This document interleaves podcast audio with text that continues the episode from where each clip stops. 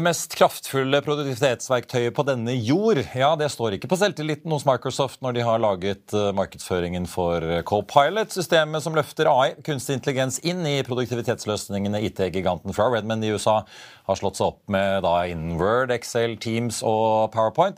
Selskapet har hatt en kraftig kursoppgang i år, bl.a. takket være da AI, og puster nå Apple i nakken som verdens mest verdifulle børsnoterte selskap. Men hva er det egentlig for noe smart som eh, nå skal rulles ut til bedrifter? Bedrifter både her og utenlands. Er det en eh, gimmick først og fremst, eller et eh, kult og litt komplisert system som noen få interesserte kommer til å ta i bruk, litt som vi kanskje har sett innen smarthjemsystemer? Eller ser vi nå konturene av et teknologisk løft som kommer til å gjøre de fleste av oss til en slags eh, superansatt, fordi vi får gjort så veldig mye mer på en vanlig arbeidsdag enn før? Med meg nå så har jeg en som sitter på toppen i en av de store bedriftene her i landet, som også er blant de første som faktisk har tatt i bruk det nye Microsoft-systemet, som sjefen selv i USA nå selger inn eh, svært begeistret, får vi si, som det nye store. Og jeg skal slå over til engelsk nå og si welcome to Paul Doyle, Chief Technology Officer in Aker BP. A big player in the oil industry in Norway, obviously, but also a big company in Norway. And you've gotten access now to uh, the early access program, they call it in uh, Copilot from Microsoft? Correct. We got an invitation from Microsoft during the summer to ask if we wanted to join the early access program for Copilot. And of course, we said yes straight away. Because you've been hear- or hearing about this, I guess, for a while now. I think it's not just hearing about it, but we'd also been working with this kind of like GPT type uh, technology for a while, um, both kind of ourselves, kind of getting our hands dirty in Aker BP and also working with partners like Cognite as well, who have been doing a lot of work work on Gen AI. So it's just a super exciting technology. And for us, we really wanted to like get hands on, get experience, figure out what we meant about it. Uh, so you've had it now since the summer. Can we talk about? Obviously, you're, I, or I assume you're a big customer of Microsoft uh from the get-go. Uh, but but is the early access program is it the full fledged solution or is it sort of a beta or? Yeah, so what's really fun about early access programs is actually you get to experience companies like Microsoft on a whole different level because you get access to products that aren't fully baked. So what was very fun for us, and I think it's also like a feature of this technology, is how quick it's changing, right? Like we, you know, we talked about it, like ChatGPT, for example. Now it incorporates images. They've got the voice to text technology. It's like, what's next, you know? So, but for us to get see that kind of enterprise grade functionality changing in front of our eyes. That's a really cool experience. And that's what the early access program is. So you go behind the scenes, you get the good and the bad, you While get hands on. Yeah, Yeah. yeah, And then you're you're very like you give a lot of feedback as well to the product teams as well around what, what's working and what's not. And I have to say its Norwegian capability really improved over the time that we were using it. So that was really fun to see. It's Norwegian like language skills. Yeah, or- so yeah, exactly. So it uh, it's very helpful for me actually when I sit in meetings um, in Norwegian because uh, I know I'm speaking English, but my Norwegian is. Uh, um, I, Copilot will actually translate the meeting for me, so I can if someone speaks in Norwegian, I can say, "Can you summarize that for me in English?" and I get it. That's It's- interesting. It's very cool. Yeah. Because not just you, but in the whole Aker system, there are a lot of people who don't speak Norwegian who are living here, Yeah. coming from countries like Brazil, the US. Absolutely. Yeah. Yeah. I think we have 44 Not different in nationalities in Cognite. Aker Yeah, BP. Yeah, and 60 something in Cognite. Yeah. So it's just, it's really helpful. But explain to us what it actually is. Uh, You can go online and see the, the demo videos Yeah. Mm. or the promotional videos from Microsoft. Um, it looks like a sort of chat function. A lot of people have seen or tried ChatGPT. Is Yep. it uh, sort of a similar solution baked in now into Word and Teams and, and Excel, or? Yes, correct. So it's, uh, I think the, it is very similar to ChatGPT because it's based on OpenAI, which Microsoft has a partnership. But what's uh, very important for us is that it's cyber secure. So now it's based on our environment so that our data is not leaving and traversing the internet, which for, of course, a company like Aker BP, where we're responsible for some of Norway's most critical digital Infrastructure, yeah. assets, that's really yeah. key. Yeah. So um, so that what we get with uh, with Copilot is the ability to have that type of experience. But in work. And I think for us, this was really exciting because typically, and, and we love kind of seeing how we can apply technology to make our business better. But usually there's a little bit of a lag, right, between when something comes available on the internet or on our phones to when you actually see it in the office. And with When this it's technology, enterprise ready, yeah. yeah, exactly. But this technology has been completely different, and I think it's very exciting. And and as I said, it's not just Microsoft that are getting things out quickly. Like you know, Cognite started working on this in January. We've got some really cool applications with them too. So it's basically like how Gen AI is being incorporated in industry for me, like, and I've worked in industry and technology for decades, this is one of the most exciting trends. And yes, it's hyped, but yes, it's exciting. Yeah, because explain to us. Obviously, some people have tried, uh, or students have tried asking ChatGPT to write essays Yeah, for them. yeah. Uh, you can ask uh, ChatGPT to suggest interview questions. Yeah. Uh, Amazing. or different things. But but how revolutionary is the development now, uh, given your experience? Like, uh, how how how big of a change is this this capability? So I think uh, we can talk about some of the ways. I, I can actually give you some of the examples of how we're using, say, the, the Microsoft Copilot. So in that one, we're when we're having Teams meetings now, and we transcribe the meeting, then chat. Um, uh, Copilot has access to everything that was said. And as I said, it can translate as well, but it's extremely good at summarizing. But you can also ask it things like Did we miss any decisions? Uh, one of my colleagues asked it, Did I add value to the meeting? It got the answer no, which was quite funny Ouch! Yeah. yeah. And also to summarize actions Yeah. from the meeting as well. So uh, it's an excellent tool to actually really transform meeting culture because it's it, you can push to be very impact oriented. Another thing that's very helpful actually is kind of summarizing what has happened or searching from information.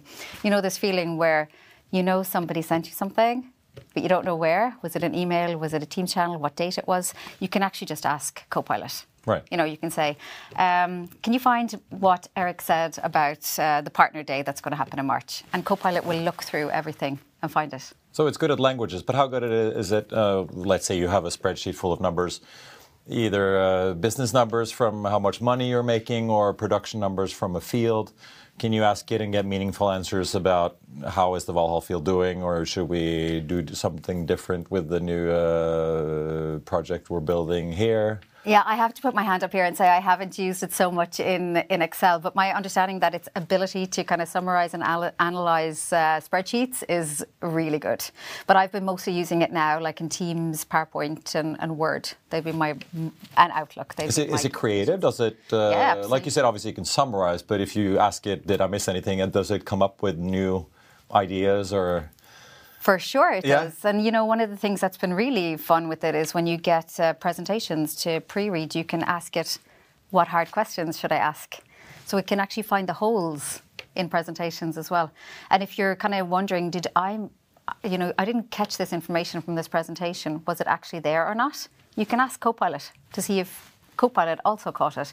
It's a little bit like having like that little expert sparring partner with you. And that's how. I use it. Yeah, Yeah. Like, for me, it's I use it every day, no doubt about it. And I, I really feel like I actually have a co-pilot. So how fast do you, obviously the whole uptake in users, Yeah. ChatGPT has, has skyrocketed uh, in a Yeah. matter of weeks. Um, but how fast do you think the system will sort of uh, weave its way through organizations and businesses? I I would predict that there will be a very high uptake of this. If I just look at our own experience, so we've kind of been rolling it out to different users. We have now a waiting list of people, uh, so we have to. We're started in your department, but it's now in Yeah, we tried to start with the kind of the specially interested cool ones. Yeah, the, uh, yeah, exactly. yeah, yeah. the ones that were a little bit close to us, but very quickly, you know, the demand was there to spread it out, and now we're taking we're taking like further steps because it's uh, and like a lot of the people around as well, they say like they don't want to go back. You know, and, and that's a really kind of cool adoption driver because it just does a lot of this boring kind of non-value add work that you would have to do yourself. Some of the cool things it does as well is, you know, converting like a 20-page document into a five-page PowerPoint. Like, who wouldn't want to outsource that? in you know? two minutes or Yeah, whatever it takes, yeah. right? Yeah. But I think there's I mean, like so that's kind of general like applications, but then it's also these very specific applications. Um, and this is where we're working very much with Cognite on this kind of da- using Gen AI for for data. And this is incredibly valuable for us. So this is where we can kind of really take out like tons and tons of hours and effort by using Gen AI to structure to structure data, where we can then use it for further AI and analysis. So the applications are really, really fascinating. I'll see you in court. Vi sier det ofte litt på spøk, men for deg som driver business, er det aldri moro å innse at du ikke har laget en 100 gyldig kontrakt. Du bør ikke risikere hele firmaet ditt fordi du synes dette med kontrakter er litt stress. En avtale er ikke en avtale. Du kan miste kunder, miste venner, ja, til og med miste inntekter om du ikke lager en skikkelig kontrakt, på alt mulig, egentlig. Men vi vet det er et styr. Kopimaskiner, tregprinter og haugevis av papir. Dessuten stoler vi jo på folk her i landet. Det er ofte litt kleint å skulle be om en signatur for alt mulig, ja, for mye av styret handler også om jakten på underskriften. Det finnes en enkel måte å løse dette på, Dukkobit, en trygg, effektiv og get this, gratis måte å sikre seg en god natts søvn pluss en juridisk bindende avtale. Dukkobit-appen har de strengeste sikkerhetskrav i bunn, samt en EU-godkjent og sertifisert teknologi. Framover vil det bli behagelig å spørre du, skal vi skrive under på det, eller? Kom i gang på dokobit.no. And you're in charge of Aker BP's basically their digital strategies and, Yes. operations. Oh, Yep. uh, Do you foresee you having one one AI uh, going forward that both deals with meetings, both deals with production data, or will there be separate sort of No, and this is where this is where systems? You have one with Cognite who looks at maybe the production Yes. optimization of a field. Another one does uh, is the finance division running Yeah. smoothly. Another one makes sure your meetings are running on yeah, time. you're spot on. So Yeah. there's so there's a couple of things that if you really want to get widespread use of, say, co-pilots generally, that you need to fix. And unfortunately for industrial companies, the first one is a big one, and that's actually the data itself. So Aker BP, we're we're like many other companies out there. We have a lot of old systems, legacy legacy systems, kind of inconsistencies in our data. So that's number one. You got to fix that if you want to get anywhere with AI. And we've been kind of banging on about this for quite a while. yeah. Yeah, you probably heard it before. But but genuinely now, like people really need to see this for what it is. So if you don't have your data in order, like it's like garbage in, garbage out, right? So the AI isn't it's not going to give you the results that you need. And this is where the work that we're doing with Cognite is fascinating because now we can actually use Gen AI to fix the data problem to feed the AI. So it's really symbiotic. But what you want to do then is you have so you have generic kind of office like horizontal co-pilots, and then you want the more specific ones. So, for example, with Cognite, we're working on kind of like supply chain co- co-pilots to fix the data there, data management co-pilots, and then you have things around production co-pilots. You can even build very specific equipment co-pilots. So you can have your gas compressor co-pilot who's just expert on that, and that's where it starts getting really fun. But do you foresee Microsoft sort of and their competitors from Silicon Valley moving into Cognite's sort of space with this, or will there be space for both Cognite, who specializes in industrial data, and that whole sector, Yep. while Microsoft sort of traditionally has stayed in the productivity workplace data sphere? Yes, so th- uh, that's that's what I believe will happen because um, if you look at, for example, like say Cognite's offering in that space, it's it's unique and like nobody has ever been able to touch them in terms of their performance. Uh, in that area. So I don't think it's in Microsoft's in- interest either to go after those kind of verticals. I think they will go, as typically Silicon Valley players do, hyperscalers, horizontal functionality. Right. That's where we have other the like. Kongsberg Digital, we have other companies that are Precisely. obviously in the industrial data space. that- Precisely. Yeah. Um, so my expectation is that will remain, but it will be an integrated part of a bigger ecosystem, right? Because what we need to do is understand how we can apply Gen AI vertically and horizontally. But this is where we need to support the Norwegian opportunity, Yeah. right? Because this is this is a huge commercial opportunity. So we need to make sure that uh, we're ready to take advantage of that in Norway as well. But for the your colleagues who actually are supposed to use this, how, does it require training, or is it uh, sort of learning by doing and talking to colleagues and exchanging Yeah. tips about what to ask the system and what not to ask or how to ask? Because I've seen uh, like uh, Robert Næss, the head of investment in, in Nordea, showed a, at, a, at a conference we hosted this fall. You could ask ChatGPT or these systems to make a stock portfolio. Yep. And you'll get a list and a description. Oh, you'll need stocks like this. And then he showed, you know, if you change the question, it'll actually create a list for you with companies that you should invest in. Yeah. Uh, so how does it work uh, in your case? Do people need training? Did you need training to use uh, ChatGPT? Email? Yeah, no. So people don't people don't need training to get No. up and running. But I think when you want to do more specific and you want to be like in kind of like the top users, then you might need some training. But it's very um, what's the word? It's just intuitive, Yeah. right? But then what I think is very cool though is when you get the tips and tricks from other users. That's very helpful. So you know, for example, I put this document there and I could do this with it. That's that's quite cool. So Yeah. it's more like this uh, user experience. I think that's interesting to share, need to rather than formalizing. each other Yeah, you do. exchange ideas. And Yes, exactly. Um, and yeah, I mean, we can do that digitally and physically. But what's what's quite cool about it, though, and this is also, I think, really fun from like a use of technology in the workplace or in industry, is that uh, the people themselves did the adoption by going on to ChatGPT and learning how that works. But speaking of security, you made it quite clear in the video on LinkedIn that you guys posted. You don't allow your employees and colleagues to throw a lot of data from Aker BP into ChatGPT or other publicly available services. Correct. Yeah. So then we had two choices. So that's Either a big no-no. That is a hu- that is a huge no-no, and cybersecurity is the it's the top priority. So is that because you're afraid of your data or internal secrets or, or go, going places you don't know or? Yes exactly. Yeah. yeah. so we have classifications on our data and it's just not okay to put that data in a public internet setting. But then what do you do then? Because you have this fantastic technology that's giving people great value like say out in their private lives and then they come into work and you can either say okay no you cannot use that at all. It's never going to happen until we manage to take you know 2 years to figure out if it's okay. Or you do everything you can to get that enabled kind of for your employees uh, cyber securely as quickly as possible. And we took the second route. So, what sort of requirements do you put on Microsoft or Cognite yeah. uh, when they deal with your data? Because I remember Equinor a few years ago when actually Microsoft came to Norway with uh, an Azure center that they built. It was because Equinor required them in the contract to have a data center in Norway and keep the data in Norway Correct. physically. Yeah. Um, is that the sort of requirements you put on Microsoft using no, the system? No, we, we don't. We don't have data residency requirements uh, like that. Uh, but all our data resides in, in Europe. But both uh, both Cognite and Microsoft are extremely professional, competent companies used to dealing with enterprises and their cybersecurity requirements. So obviously we have a list of cybersecurity requirements that are obviously very strict, right, because of the type of data we deal with and the infrastructure that that data and digital real estate is supporting. Um, but both of those companies are able to fulfill them. So it's um, it's very. This is where it's really good to work with competent partners. Uh, that's that's a real key to succeed and also to move quickly. So what we do is we put together kind of cross-functional teams of their people and our people, and then they work together so that they can work as quickly as possible to make sure that we have what's needed so we can deploy.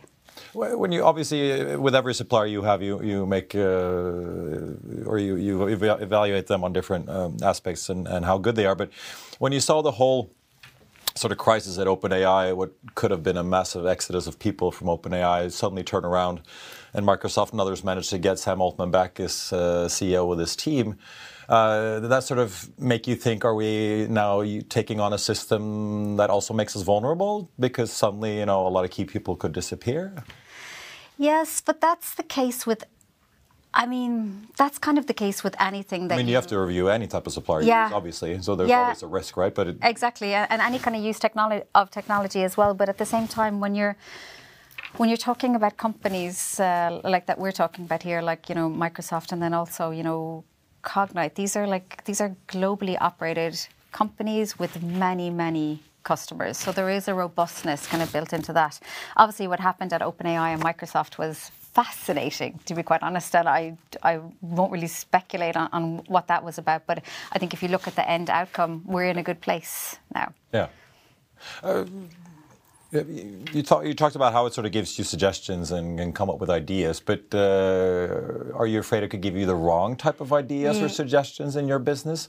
People, yeah you know, ask it different questions and maybe they get the wrong sort yeah, of uh, sure. background material to actually make decisions. Yeah, exactly. On. So this is the hallucination problem that we have with Gen AI, and I think this is fascinating, like on two fronts. So, like number one, like when we talk the way that Gen AI kind of confidently gives you like wrong answers as facts like I've actually worked with a lot of people that have done that in the past, but it's suddenly when the AI is doing it, it's really problematic.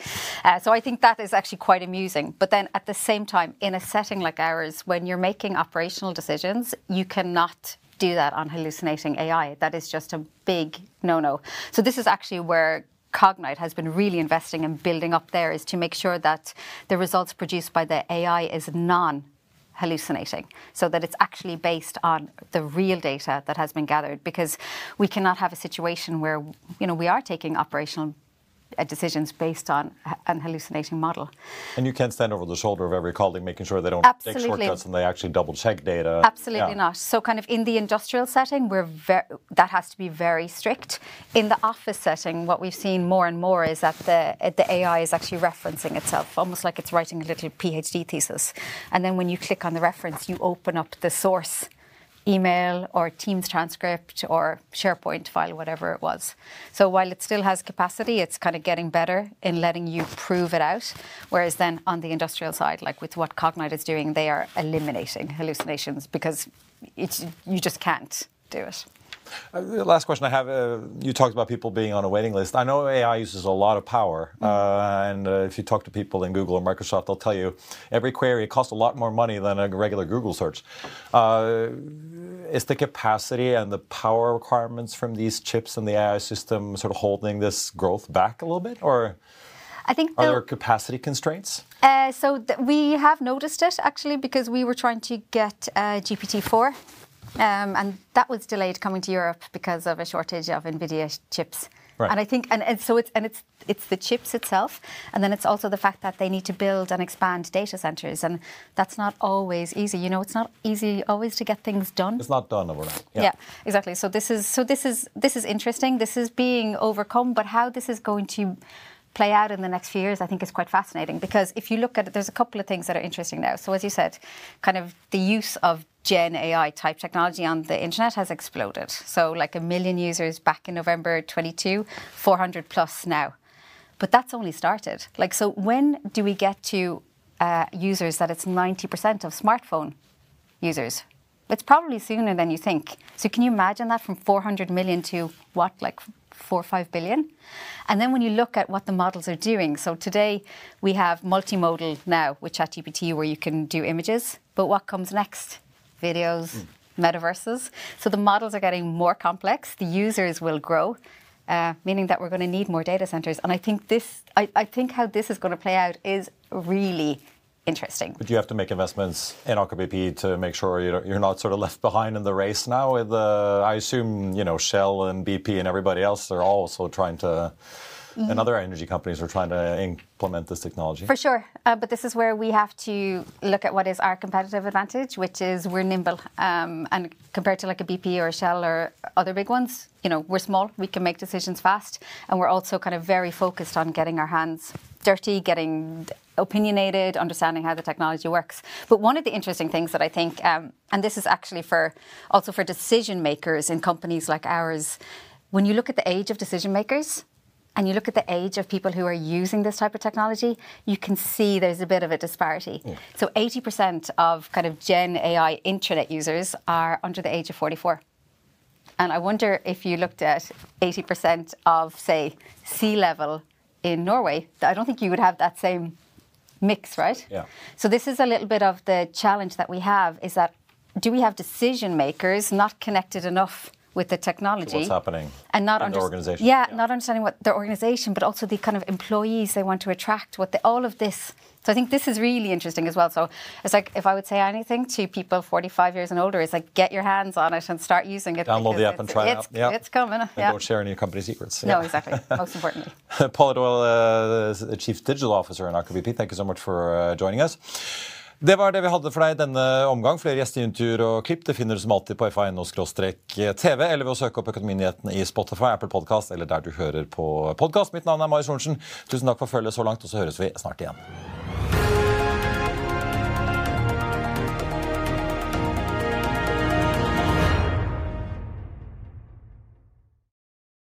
Økonominyhetene er en podkast fra Finansavisen. Programledere er Marius Lorentzen, Stein Ove Haugen og Benedikte Storm Bamvik. Produsenter er Lars Brenden Skram og Bashar Johar.